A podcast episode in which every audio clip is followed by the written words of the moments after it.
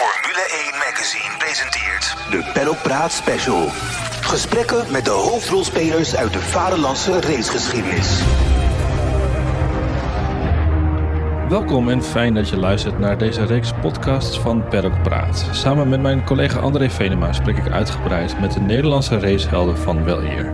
En deze week doen we dat met iemand die de laatste tijd vooral in beeld is als het over de aanstaande Nederlandse Grand Prix gaat. Jan Lammers startte in 23 Formule 1 races, maar zijn carrière beslaat zoveel meer. We hebben geprobeerd zoveel mogelijk te bespreken, maar zoals de meesten weten, geeft Lammers een podium en hij schakelt zo snel als in zijn beste jaren. Enjoy the ride! Formule 1 Magazine. Peddelpraat, de special. Formule 1 Magazine bestaat al 25 jaar en miste sinds 1994 geen enkele Grand Prix. Reportages, interviews en de mooiste foto's. We bundelen het in 18 nummers en 3 specials per jaar. Ga naar Formule1.nl en abonneer je op Formule 1 Magazine. En ontvang de nieuwste edities donderdags na de Grand Prix thuis op je mat. Formule 1 Magazine. Peddelpraat, de special. Jan, eh, hartstikke bedankt dat je tijd voor ons maakt. Eh, we zitten hier al op, eh, op de plek natuurlijk waar het allemaal begon. Waar je Ja. als kleine Jantje Ja. binnen kan lopen. Vanochtend weer hoor. ja, ja. De, de, volgens de overlevering zag Rob Slotenmaker meteen dat jij, dat jij het had. Kan je het, het moment nog herinneren dat je daar zelf een, een gevoel kreeg van... hé, hey, dit kan ik. ik. Ik heb een auto onder controle. Nou, ik denk toch dat het een, een, eh, een stukje vriendschap was wat, wat, eh, wat eerst ontstond. Want je, je, er komt gewoon een klein ventje, die staat daar natuurlijk eh, en, en die zegt van mag ik hier helpen? Nou, en hij zegt ja, ga die jongens maar helpen. Nou, hop, en ik sprint weg, weet je wel. Dus die eerste 100 meter dat hij me weg ziet rennen was waarschijnlijk al zoiets dat hij dacht van nou, ik ben benieuwd. Ja. Weet je wel, of je eerste indruk, nou dat ken je wel. Nou, en dan ben je een poosje daar gewoon aan het werk en dan, en dan merk je gewoon... Ja, ik ben de jongste van zeven, zeven kinderen. Ik heb vijf broers, één zuster. Dus ik ben de jongste. Dus, dus ja, dan is het thuis natuurlijk de hele dag klooien en, en, en eh, met elkaar en noem maar op. Ja, dus, dus eh, al heel snel en een stukje humor hè, is bij ons in de familie ook altijd belangrijk. Eh, dus al heel snel zag ik Rob natuurlijk, die was wel wat ouder. Maar ja, ik had alleen maar oudere mensen thuis. Dus daar was ik wel gewend mee om te gaan. Dus al heel snel natuurlijk zat ik me een beetje in de maling te nemen. Een beetje te pesten en noem maar op. Dus, dus eh, gaandeweg, weet je wel. Hij vond, hè, dat werken vond ik heerlijk. Hè, dus, dus ik liep... Wat, eh, wat deed je eigenlijk? eh, van alles, van alles. Koffie maken, auto's wassen, wc schoonmaken, schrobben en noem maar op. En, en En de baan nat spuiten toch? ja, tuurlijk. Ja, hoor. In die tijd, eh, als, je, als je het nu doet, ga je gelijk eh, de bak in. Maar eh, in die tijd haalden wij natuurlijk de afgewerkte olie op. En die, en die gooiden we op de baan. ja, dan ging je de hele dag slippen. En dan werden die oranje... Oranje-witte auto's, die waren op een gegeven moment bruin. Dus die gingen we aan het einde van de dag wassen met benzine. Dus in de winter verbrandde je, eh, noem je dat, eh bevroren je handen bijna. Dus dat, dat was af en toe in de wind, weet je. Als het echt koud was in de winter, was dat best wel bikkelen. Maar goed, dat, dat maakte me allemaal niet uit. Dus ik was gewoon lekker hard aan het werken. Ja. En dan was Rob typisch iemand die dat letterlijk dan ook zei. Van, nou, je hebt zeer goed gewend, eh, gewerkt, eh, jong mens. En zo, zo voor de grap praten die altijd zo tegen je. Van, eh, meneer Lammers, weet je, dan kwam zo'n ventje van eh 12 de hoek omlopen. Dat mensen dachten van, nou, is dat meneer Lammers? Mag ik hier twee koffie? Ja hoor. Nou, dus, eh, en als je dan zei, in het begin, weet je, als je dan zei van, eh, meneer Slotenmaker, wilt u nog koffie? Zegt hij, nee, zeg maar gewoon Rob hoor. Oké. Dus als je dat dan nog een keer zei van, van eh, meneer Slotenmaker, zegt hij, Rob, lul. Dus dan zei ik gelijk tegen hem van, Rob, lul, wilt u een kopje koffie? Weet je, wel, nou ja, dus dat was gelijk dan.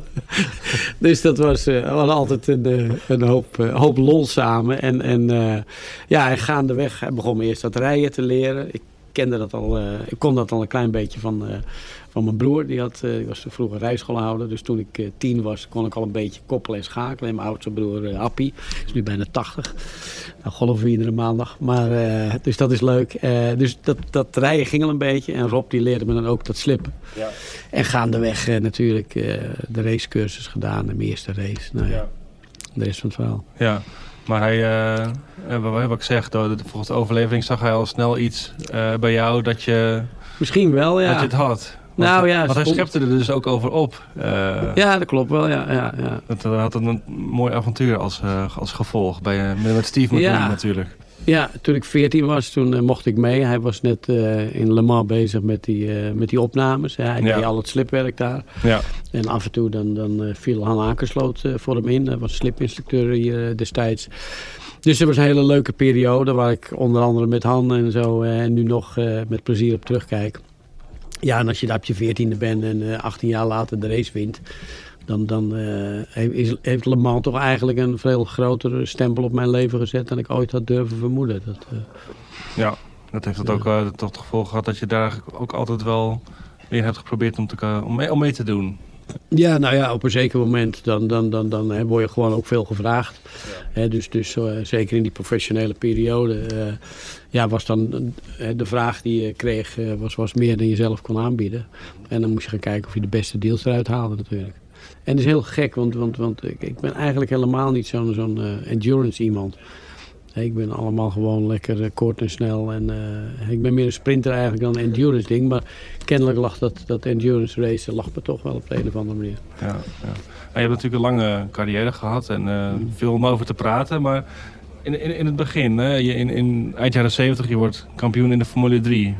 Kun je Ja. dat nog herinneren? Voor een eh, Michel Blekemolen, onder andere. Ja, het kampioenschap, eh, ja, dat was hier in Zandvoort, één race. Mhm. Ja, ja. Nee, want ik weet niet waar Michel het kampioenschap eh, geëindigd is. Eh, Anders Olofsson. Hij was een Zwe- Zweedse jongen, Ja, ja. Anders Olofsson. Ja. Ja. Ja, ja, Maar nee, nee, dus dat, dat was gewoon een hele leuke periode. Ik had drie jaar met Slotenmaker Ja. hier nationaal met toewagens gereden. Eh, er moet wel gezegd worden dat Rob Slotenmaker had net een hele na, nare ervaring met eh, Wim Loos. Hè, dat was zeg maar een eerder jong talent wat hij voor mij had begeleid. Die was verongelukt in Spa. Eh, uit mijn hoofd gezegd was dat volgens mij 1966. Ehm, en ik kwam op 68 op de slipschool. Dus vrij kort daarna. Dus, dus Rob die was natuurlijk een beetje, liep wat minder hard van stapel met die nare Dat ervaring. merkte je wel. eh. Nou, dat merkte ik pas later eigenlijk. Hè, want ik begon op mijn zestiende met mijn eerste race. Met een bescheiden toerwagentje. Maar toen met diezelfde toerwagen deed ik dat eh, in 1974 weer. Hè, dus 73 begon ik. En 73, 74, 75 reed ik met datzelfde toerwagentje. Want Rob hè, die wilde maar gewoon ja, maar even kalm aan. En ik wilde verder. Hè, Als mij lag, eh, was ik al een jaar later in een grotere klasse begonnen. Maar legde hij dan uit waarom, de- waarom hij zo behouden Nou was? ja, hij wilde dat gewoon wat, wat, wat eh, kalmer aandoen. Hè. Hij had liever denk ik dat ik, eh, dat ik eerst wat, wat ouder werd. En misschien had hij onbewust ook wel het gevoel van nou, eh, laat eerst alles maar een beetje veiliger worden. Voordat hij, eh, hij wilde niet dat ik te vroeg in allerlei klasses terecht kwam. Ja. Het, was, het was serieus gevaarlijk toen, ook Formule 3. Ja. En dat waren, en nu als je klappers maakt, stap je zo uit. En in die tijd, als je een grote klapper maakt, zat je gewoon tussen het eh, aluminium verfrommeld. Hè, dus, dus, dus eh, nee, dat, dat, dat waren andere tijden. Daardoor deed hij het rustiger aan. Maar in 76, toen, toen was mijn geduld een beetje op. Ik Dus- zeggen, kon je daar begrip voor opbrengen? Inderdaad? nou, niet, want, Nee, want ik wilde veel jong. sneller. Hè? Dus eh, wat was het? Eh, de, ja, 1976 was, was het moment dat, dat ik eigenlijk eh, ja, ongeduldig werd. Dus toen, toen hadden we ook eventjes een hele korte periode van, van nou, regel het dan zelf maar. Hè? Dus, Mhm. dus toen ging ik dat doen. Ik had toen Formule Ford had ik zelf geregeld, daar ging ik mee rijden. Hij had synchroon daaraan ook met eh, Op- Opel Dealer Team Nederland, zeg maar, dat ik met, eh, eh, met de tourwagen hier nog reed. Dus toen deed ik zowel formuleauto's als, eh, dat was Formule Ford. Mhm. Nou, 77 deed ik Formule 3. Eh, als enige met een hok. Dat was een Engels, dat was ook een hok. Maar, eh, het- dat, maar, eh, nee, maar die was, hebben ze allemaal prima. Maar die auto was gewoon niet, primitief, Nee. was, was gewoon niet competitief. En, Nee. de mensen die daar omheen allemaal werkten, waren prachtige mensen. David Lazenby, dat was de oude monteur van Jim Clark. En die hebben samen, geloof ik, eh, Indianapolis nog gewonnen. Hè. Die trofee zag je ook daar in de werkplaats staan. Eh, dus waren mooie mensen om mee te werken. Mhm. Maar de auto was gewoon één hawk tegen wel 40 eh, andere auto's. Hè, we, hadden, ja, we hadden toen races als de Lotteria di Monza. Nou, dan had je wel 140 deelnemers. Dat, eh, die heb ik in 1978 toen gewonnen. Hè, dat was zeggen, je deed, ondanks, dat hok deed je het wel. eh, Nee, die Hawk was in 77, Oké. dus daar was ik kansloos. Maar Ja. in 1978 had ik wel een goede auto. En toen eh, reed ik in één team samen met Hubert Rotengatter, Arie Luijendijk. En ehm, ik had daar wel de beste situatie. Het team was een beetje rond mij opgebouwd. Ehm, dus, was het toen al dus- duidelijk dat jij een groot talent was? En dat er al een beetje, tegenwoordig noem je dat een hype, maar Ja, moeilijk van jezelf te zeggen. Maar, Ja. maar eh, die, die indruk kreeg ik wel van de reacties Ja. om me heen, laat het zo ja, zeggen. ja. Dat is toch wel grappig dat je, eh, je hebt het natuurlijk nu heel vaak over eh, Max Verstappen. En zonder te zeggen dat je net zo goed bent of beter of slechter, maar dat- je was toen toch wel een soort van golden boy. Voor de Ja, nou ja, dat is allemaal in je eigen tijdperk, weet je. Dat, dat was Jos ook. En, en ik denk dat Jos ook, ook eh, ja, eh, ik denk bijna net zo goed was eh, als, als Max. Ja. Alleen Jos die kwam op een tijdperk in de Formule 1, waar, en dat zie je ook wel in de, hè, nu ervaar ik dat recentelijk, dat zie je ook in de lagere regionen van het karten. Hè, dat, dan komen ze in een hogere klasse en dan kunnen ze dat allemaal wel. Alleen fysiek zit je dan een klein beetje aan je, aan je maximum. Eh, en dat was denk ik, eh, voor Jos was dat een probleem. Hij kwam in de Formule 1. Nou, snelheid was allemaal geen enkel probleem. Hij kon zo met iedereen meten. Ik denk ook met Schumacher. Dat denk ik echt. Alleen, ik denk dat het eh, fysiek voor hem net even te vroeg kwam. Hè, ofwel, hij had wat meer tijd om zichzelf daarvoor klaar te maken. Tegenwoordig is het allemaal structureel bepaald. Het is fysiek veel minder zwaar en die jongens zijn veel fitter. En ze hebben allemaal een personal trainer met eh, nog een heel alfabet eronder. En eh, ze hebben een diëtist, ze hebben een dit en een dat, weet je. Dus, dus, dus eh, ze hebben wel, wel, wel drie, vier man aan begeleiders. Hè, voor de media, voor de fysio, voor het trainen. Voor, nou, ik denk bodyguards ook zo langzamerhand. En was het voor jou fysiek ook een uitdaging? Ja, ja, maar ja, ik ben mijn leven lang altijd een sporter geweest. En Mhm. ik was iedere dag gewoon aan het trainen. Al op mijn zestiende Ja. deed ik karate en kickboksen en alles. Dus ik ben altijd een enorme sporter geweest. En, Ja. En, eh, maar desondanks, eh, heel klein mannetje natuurlijk, met 58 kilo, zat ik wel in die dikke shadow. Mhm. En dan is het net een beetje gewicht heffen. Dat je als klein mannetje wel in dezelfde gewichtsklasse zit als die anderen om je heen. Hè. Kijk even naar Alan Jones. Nee, die kan die hele auto optillen, bij wijze van spreken. En, en, en kijk naar mij. Ja. Dus ik, ik moest wel flink eraan trekken. En ik denk dat Jos dat bijvoorbeeld ook had. En voor Max kwam het denk ik net op een tijdstip dat het ook eh, fysiek haalbaar was voor hem. Dus, dus hij kon, ik denk dat karten voor Max eh, veel zwaarder was dan de Formule 1.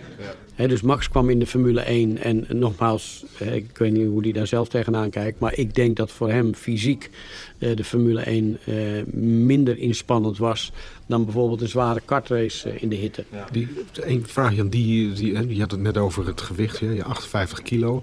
Is dat, is dat een beperking geweest in je, in je loopbaan? Lengte en gewicht? Niet dat ik mezelf daar heel bewust van ben, weet je. Want, want, want eh, dat, dat was nou typisch zoiets waar ik niet op zou focussen. Want daar kan ik toch niks aan doen. Nee. Weet je, dus, dus eh, je kan alleen maar gewoon eh, aanpakken en, en noem maar op, weet je. Dus, dus, en ik had ook bijvoorbeeld Gilles Villeneuve, eh Alain Prost. Mm, we hadden allemaal een beetje hetzelfde postuur. Ja, ja. Dus, dus dat... dat, dat dus ja, als je je schoenen bestelde of overals of wat dan ook, dan was het altijd gewoon... eh, misschien Prost was een fractie groter, maar bijvoorbeeld eh Villeneuve en ik hadden van alles dezelfde maten. Ja. Dus dat, eh, dat was altijd grappig. Maar eh, nee, het kan zijn dat het fysiek eh, eh, zwaarder was in verhouding dan ik mezelf realiseerde. Maar ja, nogmaals... eh, dat, Je wil dat- verder, je wil vooruit. Ja, je kijkt alleen maar Dan gewoon naar de om. oplossingen en Ja. dan ga je mee om. Ja, ja. Zeg, jouw eerste contract inderdaad voor Shadow, dat was toch wel een, een aparte situatie, hè? Ja, heel verhaal, heel verhaal. Maar, maar eh, en natuurlijk eh, weer het klassieke verhaal. Hè. De trein gaat al rijden voordat het spoor aangelegd is. Ja. Dus hier ook. Hè. dus, dus ik, ik had dat contract getekend en mijn, mijn, eh, hij is nog steeds mijn eh, boekhouder en eh, dier- dierbare vriend Gerrit van der Storm. En die was Ja. toen mijn manager, zeg maar. En maar goed, Gerrit en ik, we deden ook maar wat. We hadden helemaal geen voorbeeld om ons heen. We waren de eerste die zeg maar, een Formule 1 contract voor een heel jaar hadden. Ja, want even voor duidelijkheid, uh, de idee een belofte. Je zou geld op tafel uh, leggen voor Nee, jou, ik tekende uh, gewoon een contract. Ja. En toen, toen, ja, toen... En daarmee toen, deed je dus de belofte van... Ja, hij moest, het ging toen nog Ja. niet, maar hij moest bijna gedotterd worden. en hij zegt, wat doe jij nou? Ik zeg, joh, ik zeg, maak je geen zorgen, staan we vol pagina Telegraaf. Ik zeg, en dan Ja. staat er echt wel een sponsor op. Ja. Nou, dat gebeurde zo. Dus, dus met mij viel niet meer te praten na dat moment natuurlijk. maar, eh, maar goed, dat heeft in ieder geval onze relatie wel overleefd. Ja. En uiteindelijk, eh, ik had ooit eh, een keer les gegeven aan de voorzitter van de raad van bestuur van uh, Niemeyer. Herman Voogd. Een hele mo- mooie vent. En, en die, die had ik ooit een keer op mijn 16 de hele dag als een kop zitten zeuren. Van wil je me niet sponsoren? En toen had hij gezegd van nou, als je nou later in de Formule 1 zit, moeten we nog maar eens praten. Ja. Dus ja, die eh, beste man die belde mij en die zei van ja, hij zegt ik ben een man van mijn woord. En, eh, dus die heeft toen in 79 heeft hij eh, dat allemaal waargemaakt Ja. en vol gesponsord. Ook, ook heel veel geld hè, neergelegd. Ehm, eh, nou, ik, ik, ik denk nooit zo in die superlatieven. Ik denk dat als je eh, eigenlijk de publiciteit die wij toen hebben gehad, hè, zowel wereldwijd als nationaal, als je dat op een andere manier had eh, moeten verwerven, dan was je denk ik drie keer zoveel kwijt geweest. Ja. Hè, dus dus, dus eh, veel geld. Eh, het was, het was 1,4 miljoen gulden. Mhm. En dan, ja, Mooie auto hoor. Ja, ja, het kleurenschema was prima, maar, maar eh, ja, het was een auto die gewoon eh, ja, niet competitief was. Hè. Het beste wat ik heb voor elkaar gekregen was eh, 14e tijd in Long Beach. En het circuit lag me altijd wel, daar kon je qua rijden kon je ook nog wel wat doen. Maar, maar goed, dat was het. Ja. Naderhand. Ik zag een foto van de, de, de eerste race dat jaar. En toen stond er nog heel groot Samsung Ja, ja. Kregen jullie daar nog heel veel opmerkingen over, vroeg ik me Ja, af. de Samsung Shaggers natuurlijk. Hè. Dat, dat, eh, ja, tuurlijk. Hè. Ja, je, je hebt het over een Engelse racemonteur. Dus, dus die heeft eh, weinig nodig natuurlijk op dat Ja. Maar eh, ja, dus dat was natuurlijk... eh na de hand had ik een keer eh, Wim Zegwaard, eh, een hele goede dierbare vriend... die, eh, die had toen eh, eh, in de tijd ook samen met Vanessa en zo... eh, Vanessa Sound System zat je. En dan had hij ook die winkels in Nederland, Allwave. En dat stond ook aan de zijkant op een auto toen ik met de Tier doorreed in 1982. Oké, ja. Dus ja, als je in, in, eh, in Engeland rond gaat rijden met een auto waar Allwave op staat. Dat, dus eh, ik had geen... eh, eh, Mijn collega merkte al op ook een Durex auto rond. Dus dat ja, eh, ja, ja. tijd van, eh, natuurlijk. Rupert Keegan en eh, Guy Edwards. En, Ja. ja. ja, ja, ja. En, eh, nee, dus, dus in Engeland eh, het stond het publiek constant te zwaaien. Dat, eh, En eh je teamgenoot Elio De Angelis, ook wel Ja. een, eh, natuurlijk een legendarische naam. En ook een beetje natuurlijk met een trieste Ja. afloop. ja. Maar daar, daar, jullie waren wel aan elkaar gewaagd eh, tijdens dat eerste Ja, nou, hij, hij had wel eh, eh, het, het, het voordeel over mij. Hè. Op sommige andere eh, races, hè, daar was ik dan weer wat sneller. Er gebeurden ook gekke dingen in die tijd. Hè, want in Italië had ik me net wel gekwalificeerd en hij net niet. En toen de startopstelling uitkwam, toen, toen bleek dat hij net wel op de startopstelling stond en ik net niet. Hè, dus dat was heel vreemd. En dat, eh, tot op de dag van vandaag, weet je wel, is dat nog steeds een, mysterie. Hè, omdat je gewoon ziet. Hè, dus, dus daar is toen eh, mee geknutseld. Ehm, maar, eh, en, en in die tijd, je had geen data om te overleggen. Dus je kon helemaal niet zien van hij heeft een betere motor dan ik. Hè, dus dus eh, ja, ik heb geen idee. Maar, maar eh, hè, ik denk dat, dat we eh, redelijk aan elkaar gewaagd waren. Hij kwam daarna bij Lotus terecht. Ik weet ook niet of daar geld mee gemoeid was. Hè, want want ja, Elio kwam uit een fortuinlijke familie. En ik had niets om, om mee te brengen of om in te brengen. Dus, dus Nee, die eerste drie jaar in de Formule 1, dat was toch wel echt een, een tropenperiode van de sport. Als je even, de, ik had Ja. namen opgeschreven, de mensen waar je mee gereden hebt. Dat moet toch wel bijzonder Ja. zijn geweest voor jou? Nou, nu nog. Hè. Ik zie de, je hebt tegenwoordig natuurlijk die, die, die Le Mans film en zo, weet je wel. Die Le Mans 66.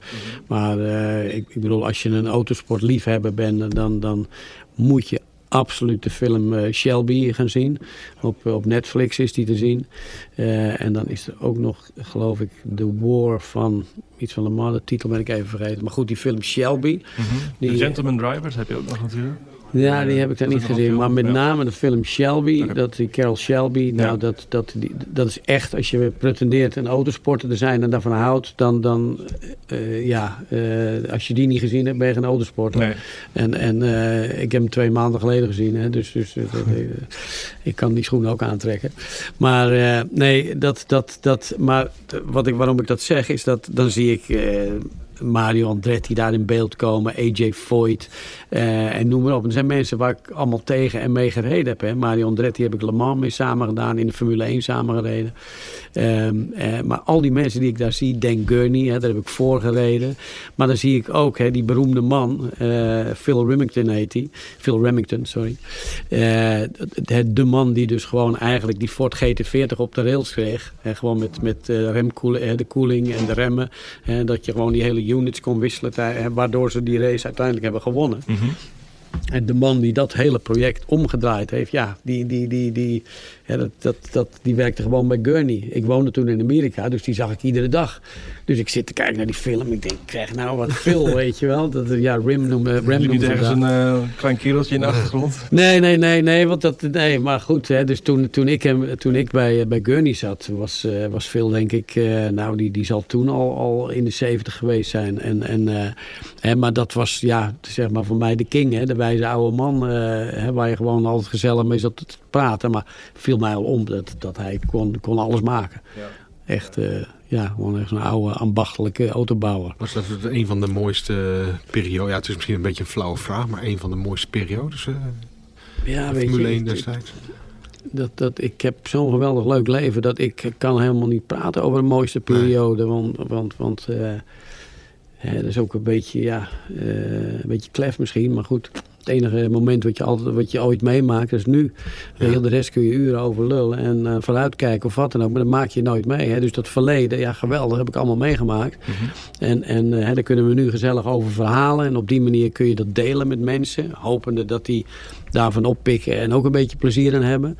Maar voor de rest zelf eh, vind ik dit ook weer een geweldige periode. Kijk naar wat er hier allemaal gebeurt, joh. Met Max, met Zandvoort. Zelf natuurlijk eh, in de kleine kring, eh, wat ik met mijn zoontje aan het doen ben.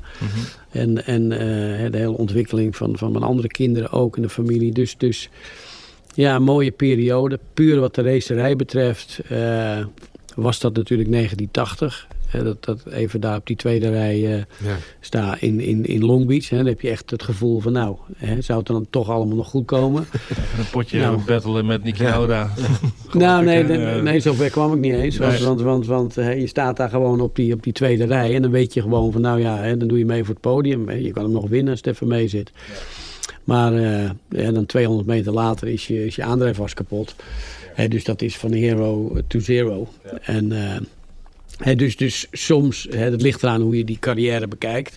Hè, wij kijken vaak nu naar de kartsport. Hè, dat is gewoon één grote eh, eh, ja, cursus van omgaan met teleurstellingen.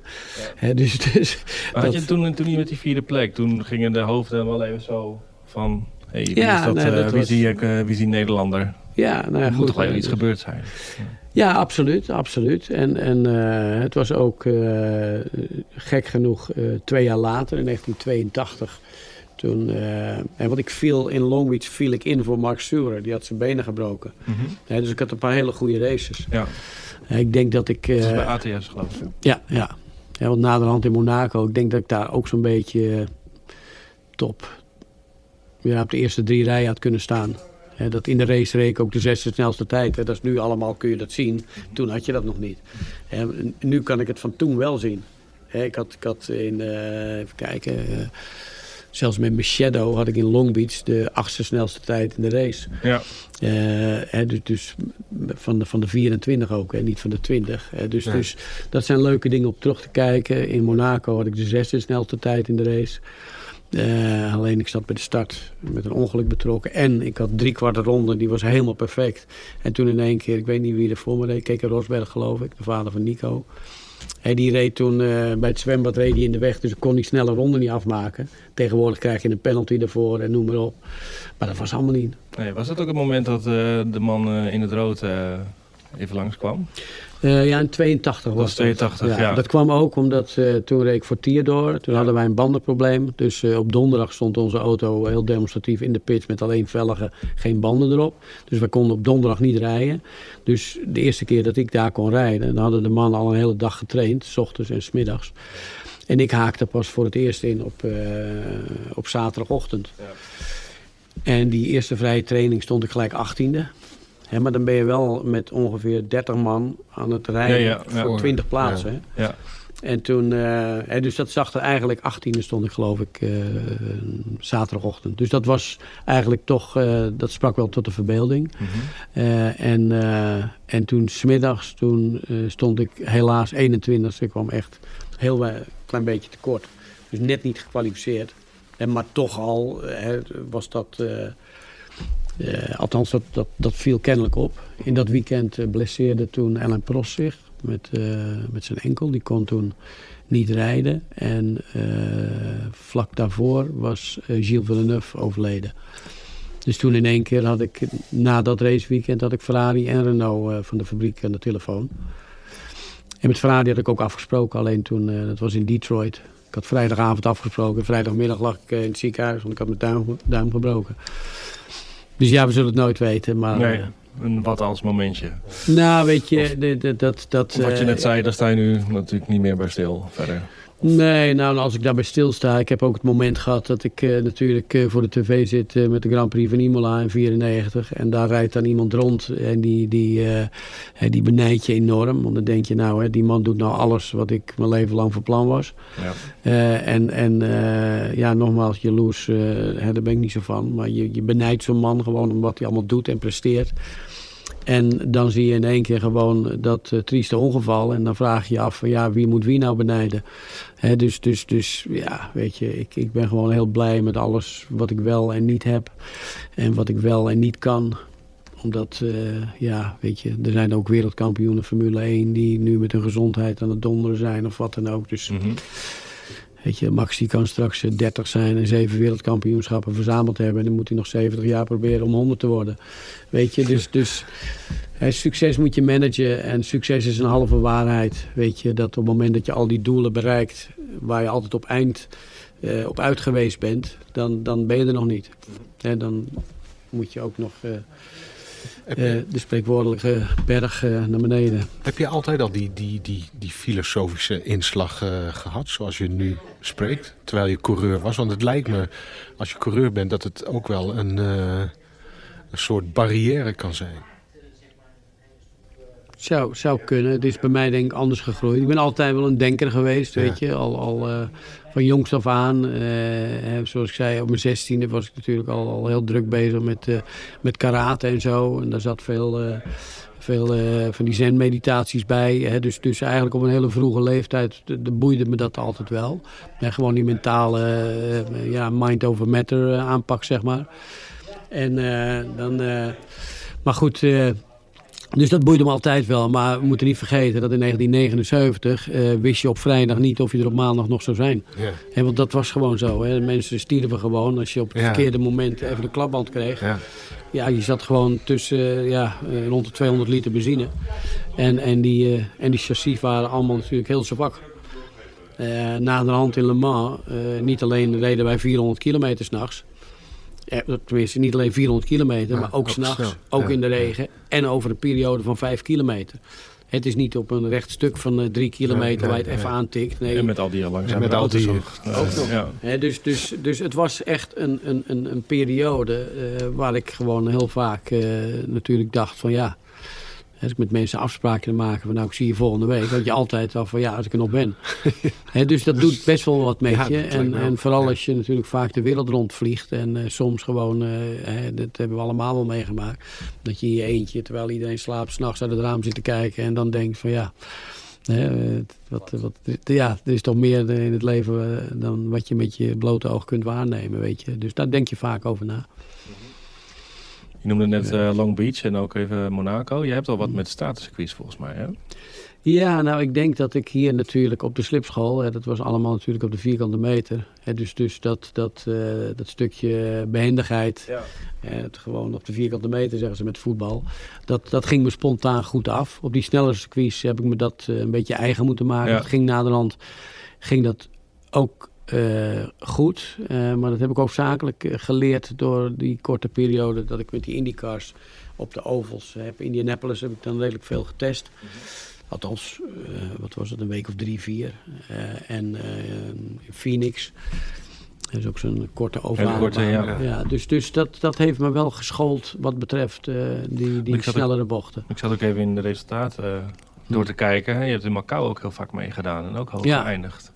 Ja, misschien heb ik daar het kampioenschap wel. Als je van iedereen, uh, hoeveelheid uh, deelnemers... Volgens mij drie, vier keer meegedaan en altijd wel uh, top vijf. Altijd gefinished, ja. ja. Eén keer de tweede, die had ik gewoon moeten winnen eigenlijk. Ja. Um, en twee keer derde geloof ik. En, nou ja, in ieder geval... ja. Toch ook wel een gevaarlijk circuit. Ja, maar goed, dat, dat, dat lag me altijd heel erg. En dat was ook leuk, want ik was uh, tien jaar uit die Formule 3. En dan uh, bind je in één keer de strijd aan met bijvoorbeeld uh, een Engelse Formule 3 kampioen. Hè? Dus mannen die er allemaal recent in zitten. Ja. ja. en dat was in die tijd, ja, wie deed er allemaal mee? Eddie Irvine en... ik wil zeggen inderdaad, Gudjoman, Gudjoman, ja. Jacques Villeneuve, Damon Hill. Heb ik nog maar één Damon in hetzelfde team. Ik geloof dat hij 17e stond en ik, ik weet niet waar, maar niet op de eerste twee rijen. 85 derde, 86 derde, 87 tweede en een 88 ook nog meegedaan met je zesde. Ja, wat ik zeg. Ja, ja. Nee, dus dat was, uh, het was een hartstikke leuke periode. En ja, ik, ik ben eens benieuwd, want volgens mij als je gaat kijken van, van iedereen die daar meegedaan heeft... en je zou punten van al die deelnames uh, gaan doen. Dus, uh, ja, dat heb ik helemaal Mr. Ma Mr. Macau. Ja, ja, dat is ook wel leuk. Ik, ik, wist dat ook helemaal niet eigenlijk, om eerlijk te zijn. We kijken, 85, won... Oh, ik heb geen internet hier. Nou ja. Nee, dus dat, uh, dat was leuk. Dat ging me altijd goed af. En uh, dat, dat uh, was ook een goede periode. Van, van, daar was ik wel zo tussen 86 en ja, ik weet niet waar. ja, toch wel een aardige periode tot, tot, tot eind 90 jaren. Weet je wel, dat was echt wel het begin. dat was een beetje jouw prime, zeg maar. Ja, 92, 93. Ja. Ik denk tussen 96 vanaf 96 heb ik een jaartje of 16 gehad... waar ik voor mezelf vond dat ik echt uh, op mijn best functioneerde. Waar ik een mooie combinatie had tussen ja. gewoon het, het, het, mentale en het uh, fysieke. Dus die periode begon eigenlijk met winst in Le Mans sindsdien? Uh, nee, daarvoor. Nee, nee, ja. nee. Dat, dat uh, Le Mans was meer het gevolg. En, ja. en de oorzaak die begon al in 1985. Zo'n beetje. Toen, toen, uh, toen besloot ik om te stoppen bij uh, Richard Lloyd, het Le Mans team. En toen besloot ik naar Amerika te gaan. En zat ik eventjes een poosje aan de andere kant van de wereld. Hoe kwam dat zo naar Amerika, die stap? Um, ja, ik kreeg, even kijken, ja, Hans Grimmelt, de toenmalige ehm, manager van Hubert Rotengatter. en naderhand deed hij voor mij ook veel. En die had een contact in Amerika. En uh, daardoor kwam ik in die sportcars terecht. Ik kwam daar wat meer mensen tegen. Dus ik kwam een beetje in die Amerikaanse scene. Mm -hmm. En toen uh, kreeg ik de gelegenheid om met een IndyCar te gaan testen. Uh, het was eerst een, een, team, dat was niet, niet goed. en, maar toen al heel snel, toen kwam ik bij Foresight terecht. Na een paar races. En Foresight was een heel goed team. En dat ging ook gelijk lekker. Dus mm -hmm. de eerste race die ik daar deed, werd ik vijfde geloof ik in Laguna Seca. Ja. Dus dat... En als je dat zo vergelijkt met Formule 1, is het dan een. Is het vergelijkbaar überhaupt? Nee, de IndyCar zit meer in de buurt van sportcar racing. Ja. ja dat, dat, Ook dat... qua sfeer en, en, en druk. Kijk, Formule 1 is toch altijd een beetje een, uh, de, de elite. Nou, het is, het is de, de focus van, van de IndyCars is, is iets breder. Uh, de, de, de Formule 1 is wat explosiever. Ja. En dat zeker nu met, met die bandenstrategieën, waar je gewoon uh, twee of drie keer van banden wisselt tijdens de race. En dat zijn eigenlijk gewoon drie sprintraces. Mm -hmm. En, en uh, natuurlijk ook de kwalificatie, hè, dat is allemaal bang, bang, bang. En, en, uh, en met IndyCar gaat dat natuurlijk over allemaal iets, iets verspreider. Ja. je rijdt ook met wat hardere banden. Uh, de auto is wat zwaarder. Uh, het, het, uh, het, vermogen komt er wat, wat over een. Ja, is wat, wat goedaardiger, zeg maar. En dus, dus de, de, de, nee dus, dus ik denk dat de Formule 1 is allemaal iets meer richting het, het, het sprint en het explosieve uh, karakter. En, uh, en de IndyCars, je hebt ook die races als Indianapolis 500 natuurlijk. Nou, dat, dat, dat, dat is zeker niet, niet zomaar even rondjes rijden. Nee.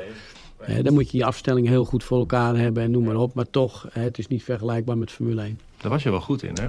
Afstellen. Nou, weet je, dat, dat heel vaak. Of is dat, een, uh, is dat dus een, een, iets, een voorwaarde? Ja, weet je, ik, ik denk dat het wel meevalt, weet je. Ik ben, dat, dat, dat, uh, ik ben een enorme ouwe hoer natuurlijk. dat, uh, hè, dus, dus, dus, nou? ja, nee, maar ik ben natuurlijk... Ja. De, de, ja, ik leg het voor in mijn eigen voordeel vaak uit als genuanceerd, weet je. Omdat ik dingen liggen vaak heel genuanceerd. En dat vind ik gewoon leuk om alles even mee te pakken. En waarvan dan weer akte. Maar goed, nee, dus, dus, dus met het afstellen van een auto... Kijk, een rijder stelt een auto niet af. Nee. En en ik heb dat naderhand, maar met name in de jaren tachtig, wel beter geleerd. Ja. En, en uh, hè, want als jij bijvoorbeeld binnenkomt en, en een engineer of een monteur of wie ook maar, die vraagt aan jou van nou, wat doet de auto? Mm -hmm. Ja, dan moet je niet dat gaan uitleggen tot het derde cijfer achter de komma. Nee. dan moet je even de randzaken van de grote zaken. Uh, en dan kun je veel beter binnenkomen. En dan kun je gaan zeggen van nou, geen tractie. Oh, oké. Okay. Uh, stuurt hij wel goed in? Ja. Ook al stuurt hij niet helemaal optimaal in. Als dat even niet aan de orde is, moet je daar gewoon even ja op antwoorden. En als een rijder tegen een engineer. Ja, maar... maar nogmaals, tegenwoordig heb je de data. Hè, ja. Dus je kan lullen wat je wil, de data ligt niet. Hè, dus wat dat betreft, rijders stellen een auto niet af. Nee. Hè, rijders kunnen wel zeggen van ja, Hè, volgens de data is dat inderdaad wel zo. Maar in de auto uh, geeft het mij gewoon niet het vertrouwen wat ik nodig heb in die bocht. Dus op papier of op, uh, op het scherm is het misschien beter. Ik heb toch liever die andere setup van vanochtend. Want uh, daarmee hè, kan ik de hele race gewoon rijden. Ja. En met het andere ben ik misschien op één ronde sneller. Maar misschien maak ik dan drie andere ronden een klein foutje of wat het is. Dus zo kun je die, die details toelichten. Uh, maar in die tijd, waar je dus uh, met het commentaar van de rijder ook nog heel veel moest doen of kon doen. Uh, ja, had je er gewoon baat bij als je ging zeggen van nou, ik heb wel dit en niet dat. Mm-hmm. Dat is belangrijk. En want als ik bijvoorbeeld ging zeggen van nou, ik heb met het insturen wat onderstuur. Hè, dan schrijft hij op natuurlijk, ah, onderstuur. En dan ga ik zeggen, well, ja, niet heel erg hoor, het valt wel mee. Oké. Okay. Wow. Weet je, dus dan, daar kunnen mensen niks mee. Nee. Maar ik zei het ook omdat ja, ik, ik, kwam wat quotes tegen van anderen die dat over jou zeggen. Van de, ja. Joe, Joe Ramirez, geloof ik, uh, die zei het, in, in, in, uh, zei het ergens. Oké. Okay. Jan, uh, Jan Lammers heeft het echt het beste autogevoel van, van iedereen, van wat ik ooit ja, gezien car, heb. Car control. Car, car control, control. Ja, ja, ja. ja. ja goed, dus natuurlijk niet hetzelfde als een auto. Nee, nee, maar... nee, nee, nee, dat is, dat is meer gewoon autobeheersing, weet je wel. En, en He, dus als, iemand dat, als iemand aanschrijft. Ja, als iemand. Nou, he, ja, he, dat zal ook wel. Geschreven, ja. Nou ja, dan zet ik eigenlijk. Nee, maar goed, dat was ook wel mijn ding altijd. Ja. Totdat ik 16 was, wist ik amper wat rechtuitrijden was. Ja, ja, ja. dus, dus, dus dat. dat uh, Heb je wel goed. Jij reed zo. Nee, ja. nee maar echt, echt uh, een auto afstellen, weet je, dat, dat, dat is vaak een fabeltje. Hè. Dat is vaak gewoon uh, iets wat, wat, wat journalisten een rijder opstempelen. Oh, juist heel goed met een auto afstellen. Ja, doe mij nog een thee, schat. Weet je, ja, wat uh, ouwe hoer. Okay. Weet je wel, dat, dat, dat, dat laat Adrian Newey zeggen wat hij vindt van. Weet je, dan denk ik van nou, dat moeten we allemaal even ons mond houden. En dan gaat hij echt vertellen hoe het zit met rijders. Maar rijders stellen een auto niet af. Dat is gewoon een heel team, zeker op dit moment, van, van, van wel twintig mensen, denk ik, die erbij betrokken zijn. Vind je dat goed eigenlijk, een goede ontwikkeling? Dat dat zo uh, op, de, op de cijfertjes gedaan wordt? Ja, maakt het wat uit. Ik bedoel, we kunnen gewoon de ontwikkeling niet tegenhouden, weet nee. je. Dus, dus dat, dat, het is er. Het is er. Uh, rijders die kunnen nu fysiek gewoon op hun 16 al in de Formule 1 zitten. Uh, vrouwen en meisjes ook. Mm -hmm. gelukkig. Dus dat gaat vandaag of morgen ook een keer gebeuren. Ik zie eigenlijk degene die, als, als, als misschien ooit bij Hamilton, als Hamilton bij Mercedes weggaat, zou het mij niet verbazen als Mercedes de eerste zou zijn die een vrouw erin zet. Dat is natuurlijk politiek correct. En als die ook nog hard kan rijden, is dat natuurlijk fantastisch. Mm -hmm. Dus dat, uh, dat kan allemaal. Dat is het tijdperk waar we in zitten. En uh, daar hoort data ook bij. En daar hoort zelfs het, het e-sport hoort erbij. Ja. Ja, want tegenwoordig, het, is, het is niet helemaal zo dat dat je alleen maar van de simulator zo in één keer de baan op kan. Hè, je moet wel wat ervaring op de baan ook ontwikkelen. Maar ik denk wel dat als je op de baan raced, ik noem maar wat, LMP3, LMP2, hè, dat niveau, en je doet heel veel werk in de simulator, dan als je die races op de baan maar een paar keer per jaar ook hebt, dan, dan kun je met die ervaring die je op de baan hebt, kun je in de simulator weer veel meer. En dat mm hevelt elkaar op. En daardoor zie je nu zoveel uh, verschillende goede autocoureurs. ik bedoel, eh, we zijn het er allemaal over eens dat Sainz... Ja, de huidige lichting is... Lando uh, Norris, ja. Russell, nou noem ze allemaal maar op. Hè, er is een wat, wat oudere generatie waarvan je je kan afvragen... van nou, die zijn er nog een beetje oldschool gekomen. Hamilton, zit, Hamilton zit minder in de simulator, denk ik.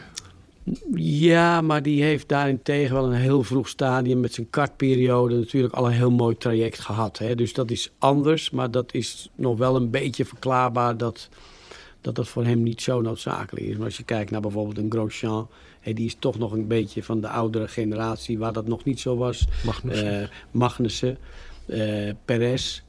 Ja. Ehm, Strol zit er tussenin. Sowieso altijd een beetje een vraagstuk. Kimi natuurlijk. Uh, Kimi. Vettel. Uh, Vettel. Hè, dus er zijn er een stuk of 4, 5. Maar dat zijn dan precies die 4, 5 waarvan je eigenlijk afvraagt... hoe lang zitten die nog in de Formule 1? En als je nu gaat kijken, het is toch geen toeval... dat, dat, dat al die mensen, inclusief Max, toch wel heel erg goed zijn. Ze zijn anders goed. En natuurlijk uh, steekt Max nog een stukje boven al die anderen uit maar je ziet toch ook, en ook als je ziet wat Albon natuurlijk in de kartsport gedaan heeft, is het helemaal niet zo vreemd als Albon en Max heel dicht naast elkaar gaan uh, presteren dit jaar. want, want je weet nooit hoe een rijder gaat reageren op ervaringen. Albon heeft nu die ervaring van vorig jaar gehad. En wat voor Albon zien we dit jaar? zeker niet die Albon die je vorig jaar zat. Dat is geschiedenis. Maar dat hebben we gezien met, met mensen als Nigel Mansell in het verleden, Damon Hill. En Nigel Mansell heeft totdat hij in de Formule 1 kwam helemaal niks gepresteerd. Dat, dat, dat voor die tijd, weet je, die ging ik, ik, ging zelf testen bij Lotus. En er stond er gewoon van, nou, degene die dit weekend gaan, uh, gaan testen voor Lotus zijn uh, Steven South, Eddie Cheever, Jan Lammers en Believe It or Not. Nigel Mansell. En dat was echt van, nou, wat de fuck die, die daar nou moet. Maar goed, uh, ik weet niet wat ik verkeerd gedaan heb. Maar voorlopig heeft Nigel aardig gescoord. en en uh, ik zit hier uh, gewoon gezellig aan de podcast. Hè. Hij, hetzelfde hij, hij doet er ook wel eens heen, hoor. ja. nee, maar zonder gekheid. Ja. Dat, dat autoracen kun je leren, weet je. En, en, en soms komen, komen mensen in de sport hè, of in de Formule 1 en denk je, nou, die moet nog een hoop leren. Maar wat mensen vergeten is dat sommigen dat ook doen dus, dus ik ben benieuwd wat, wat Albon nu opgestoken heeft van die ervaring van het afgelopen jaar. Eh, hoe die daar, hoe die dat, hoe die die data, noem dat maar even zo, hoe die die ervaring in de, weekend, eh, in de winter analyseert. En hoe die daarmee omgaat. En, en dan kun je hele andere mensen zien. We hebben ook Bottas in de winter nog wel eens een upgrade zien maken. want Bottas van het afgelopen jaar was wel zo'n beetje de beste Bottas die we hebben gezien. Dus ja. Jos zegt altijd dat hij zijn eigen carrière gebruikt als, uh, nou ja, als, als leermoment voor alles wat hij met Max gedaan heeft. Is dat, is dat iets wat jij nu ook doet? Want je bent veel met je zoon uh, ben je op de kartbaan. Ja, weet je, het gekke is dat... dat en ik zie ook andere is... parallellen. Want je, je liet niet heel trots foto's zien. Je flirt helemaal op als het daarover gaat. En dat zie je bij Jos Verstappen ook altijd als hij over Max tuurlijk, tuurlijk. vertelt. Goed, en dat is natuurlijk logisch. Maar ja, maar kijk, ik heb ben je dat aan het doen? Ja, nou, ik ben absoluut niet iemand die uh, gewoon daar langs de kartbaan heeft gestaan... om uh, en alle prestaties van Max gevolgd uh, heeft. Weet je, ik, ik wist wel dat hij heel erg goed was. En natuurlijk hoorde ik dat van, van Jos ook. Hè, dus, dus ik hoorde eigenlijk veel meer over Josje. Hè, van Hubert Rotegatter. Van, oh, Josje Verstappen, die komt eraan, die komt eraan. Dus dat, dat riep hij al heel erg. Hè. Dus, dus ik, hè, met Jos dacht ik al van, nou, dat wordt hem. Hè. Dat werd hem ook eigenlijk in verhouding. Hè. Hij, hij, hij, kwam weer verder dan ik ooit gekomen was. En Max kwam weer verder dan Jos kwam. Ja. Maar van Jos hoorde ik dat van Max ook wel. En Max, die kwam ik natuurlijk af en toe tegen als, als heel klein mannetje. En het maar, maar niet op de kartbaan, hè. dat was bij hem thuis. En dan zag ik gewoon dat het gewoon een heel lief leuk ventje was. En, en, eh, en mijn zoon die, die scheelde twee maanden of zo. En dus toen waren ze misschien, en niet dat dat wekelijks gebeurde, hè, maar die, die waren dan eh, een beetje aan het voetbal in de tuin of wat dan ook. En dan denk je gewoon van nou, wat een leuke kids. Hè? Mhm. Dus, dus, dus, eh, ja, dus dat was, eh, Victoria was er natuurlijk toen ook bij. Dus eh, ja, die kinderen waren gewoon hartstikke lief en hartstikke leuk. Dat zag je toen al. Maar eh, naast dat leuke mannetje eh, kon hij ook natuurlijk heel goed rijden op een zeker moment. Hè. In het begin gaat het heel speels. Dus ja, natuurlijk. eh, ik heb eh, Jos heel veel over Max gehoord. En, en eh, hè, van wat Jos zei, wist ik natuurlijk wel dat Max heel goed bezig was. Maar ik, ik kan het nu in dit stadium pas echt waarderen.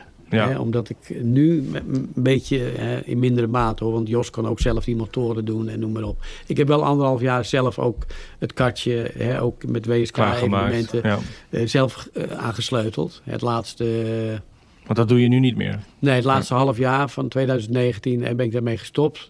Dat, dat, uiteindelijk hadden we een vaste eh, monteur die, eh, die dat voor ons deed, Dirk Honig. En, en die, die, die met Peter de Bruin natuurlijk, hè, daar zaten we in de basis, Peter en Nick de Bruin. Nou, dat is voor ons een fantastisch opleidingstraject geweest. Maar op een zeker moment, ja, in Italië gebeurt het allemaal. Hè, dus wij hebben voor dit jaar, kregen we gewoon een hartstikke goed voorstel. Hebben we gewoon gemeend van ja, om vanuit een Nederlands team gewoon Italië aan te doen. Dan kun je veel beter bij een groot eh, top Italiaans team zitten. Die gewoon blindelings gewoon de afstellingen voor al die circuits kennen. Die ook vier of vijf andere rijdertjes in het team hebben. Die ook races kunnen winnen. Daar, daar, daar kan René, dat laatste halfjaartje dat hij in die mini-klasse zit, eh, nog heel veel van leren. Dus vandaar dat we die overstap hebben gemaakt. Maar eh, ja, dus ik kan nu pas echt waarderen wat, wat Jos heeft meegemaakt. En, en ja, ik denk dat wat Jos zegt van hè, dat, dat Max leert van wat hij heeft meegemaakt. Het, het is onmogelijk om dat andersom te doen. Hè, want want je, je bent als mens gewoon per definitie niet in staat om dingen tegen je ervaring in te doen. En tegen, hè, tegen je kennis. Als je één keer weet van nou linksaf, dan kom je er niet en rechtsaf wel. Dan kun je iemand niet linksaf laten gaan, weet je. Dus, dus je doet dat vanuit nature. Ehm, maar ik denk dat Jos ook hetzelfde gehad heeft. Althans, dat, dat bepaal ik dan gelijk maar even voor hem. Nee, maar ik ben benieuwd wat hij er zelf van vindt uiteraard. Maar ik, ik heb zelf ook wel heel erg de drang dat ik René niet tot mij wil beperken. Hè, dus sommige dingen zeg ik ook niet. Dat ik Nee. denk van nou, Moet je ook Eh, gewoon achterkomen. ja, Ja. Hè, want, want, want, want eh, ik, ik, ik wil hem met alles waar ik een beetje van overtuigd ben van nou, hè, hier doe ik weinig fout aan om dat te Mhm. zeggen of dat te doen.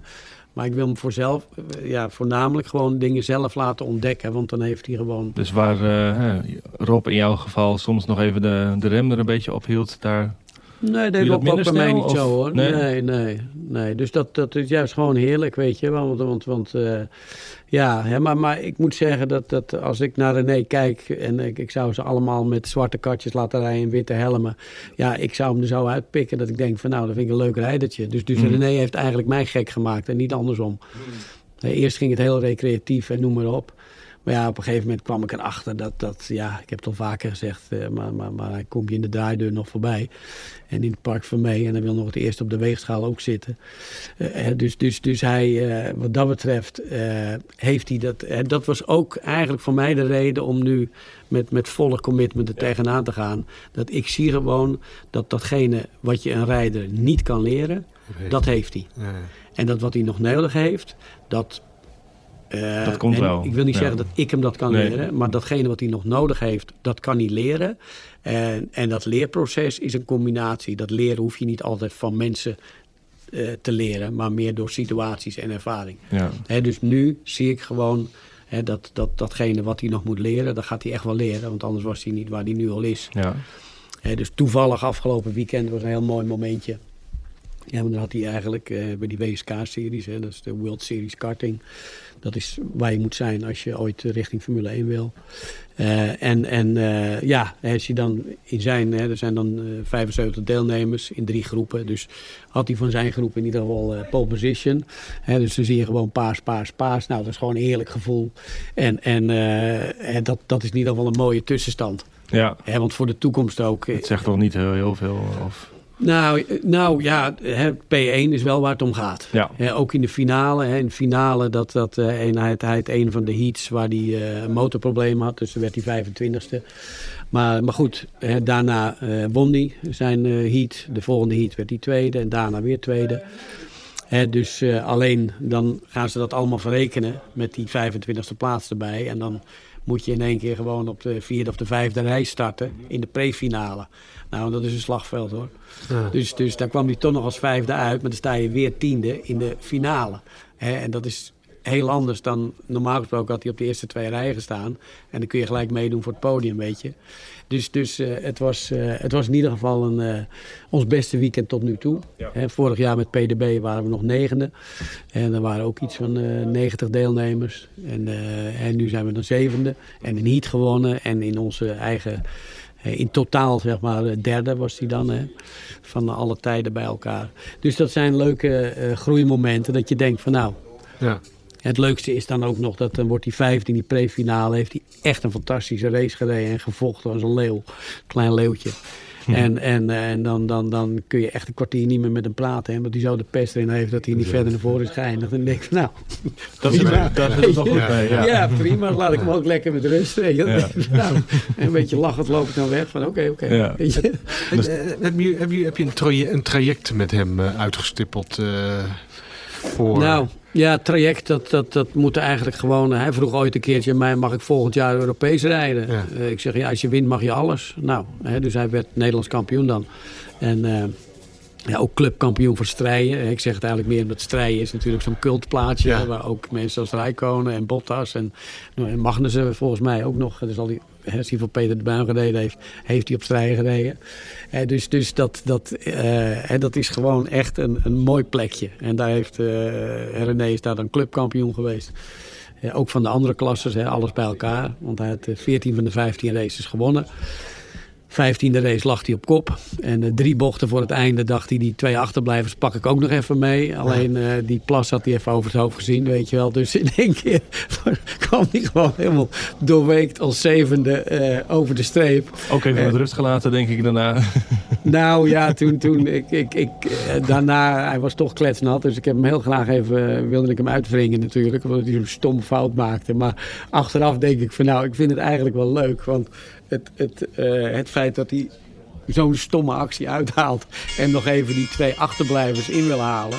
Dat, dat, dat is natuurlijk, eh, eh, dat geeft wel aan dat hij de goede spirit heeft en een foute actie.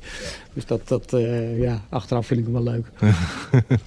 Maar ik bedoel eigenlijk meer een trajectje van... Is er, Ja, is er ja, een bepaald, bepaald punt waarop je misschien besluit om...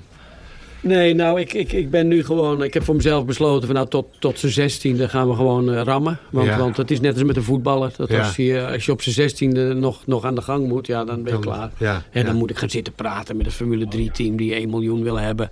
Of een Formule 2-team die, Dus- die anderhalf of 2 miljoen moet hebben. En die denkt, nou, omdat hij zo groot, goed kan rijden, eh, mag jij voor 1,3 miljoen rijden. Nou, nou, het is net alsof ik een Maybach voor de halve prijs krijg. Zo, weet je.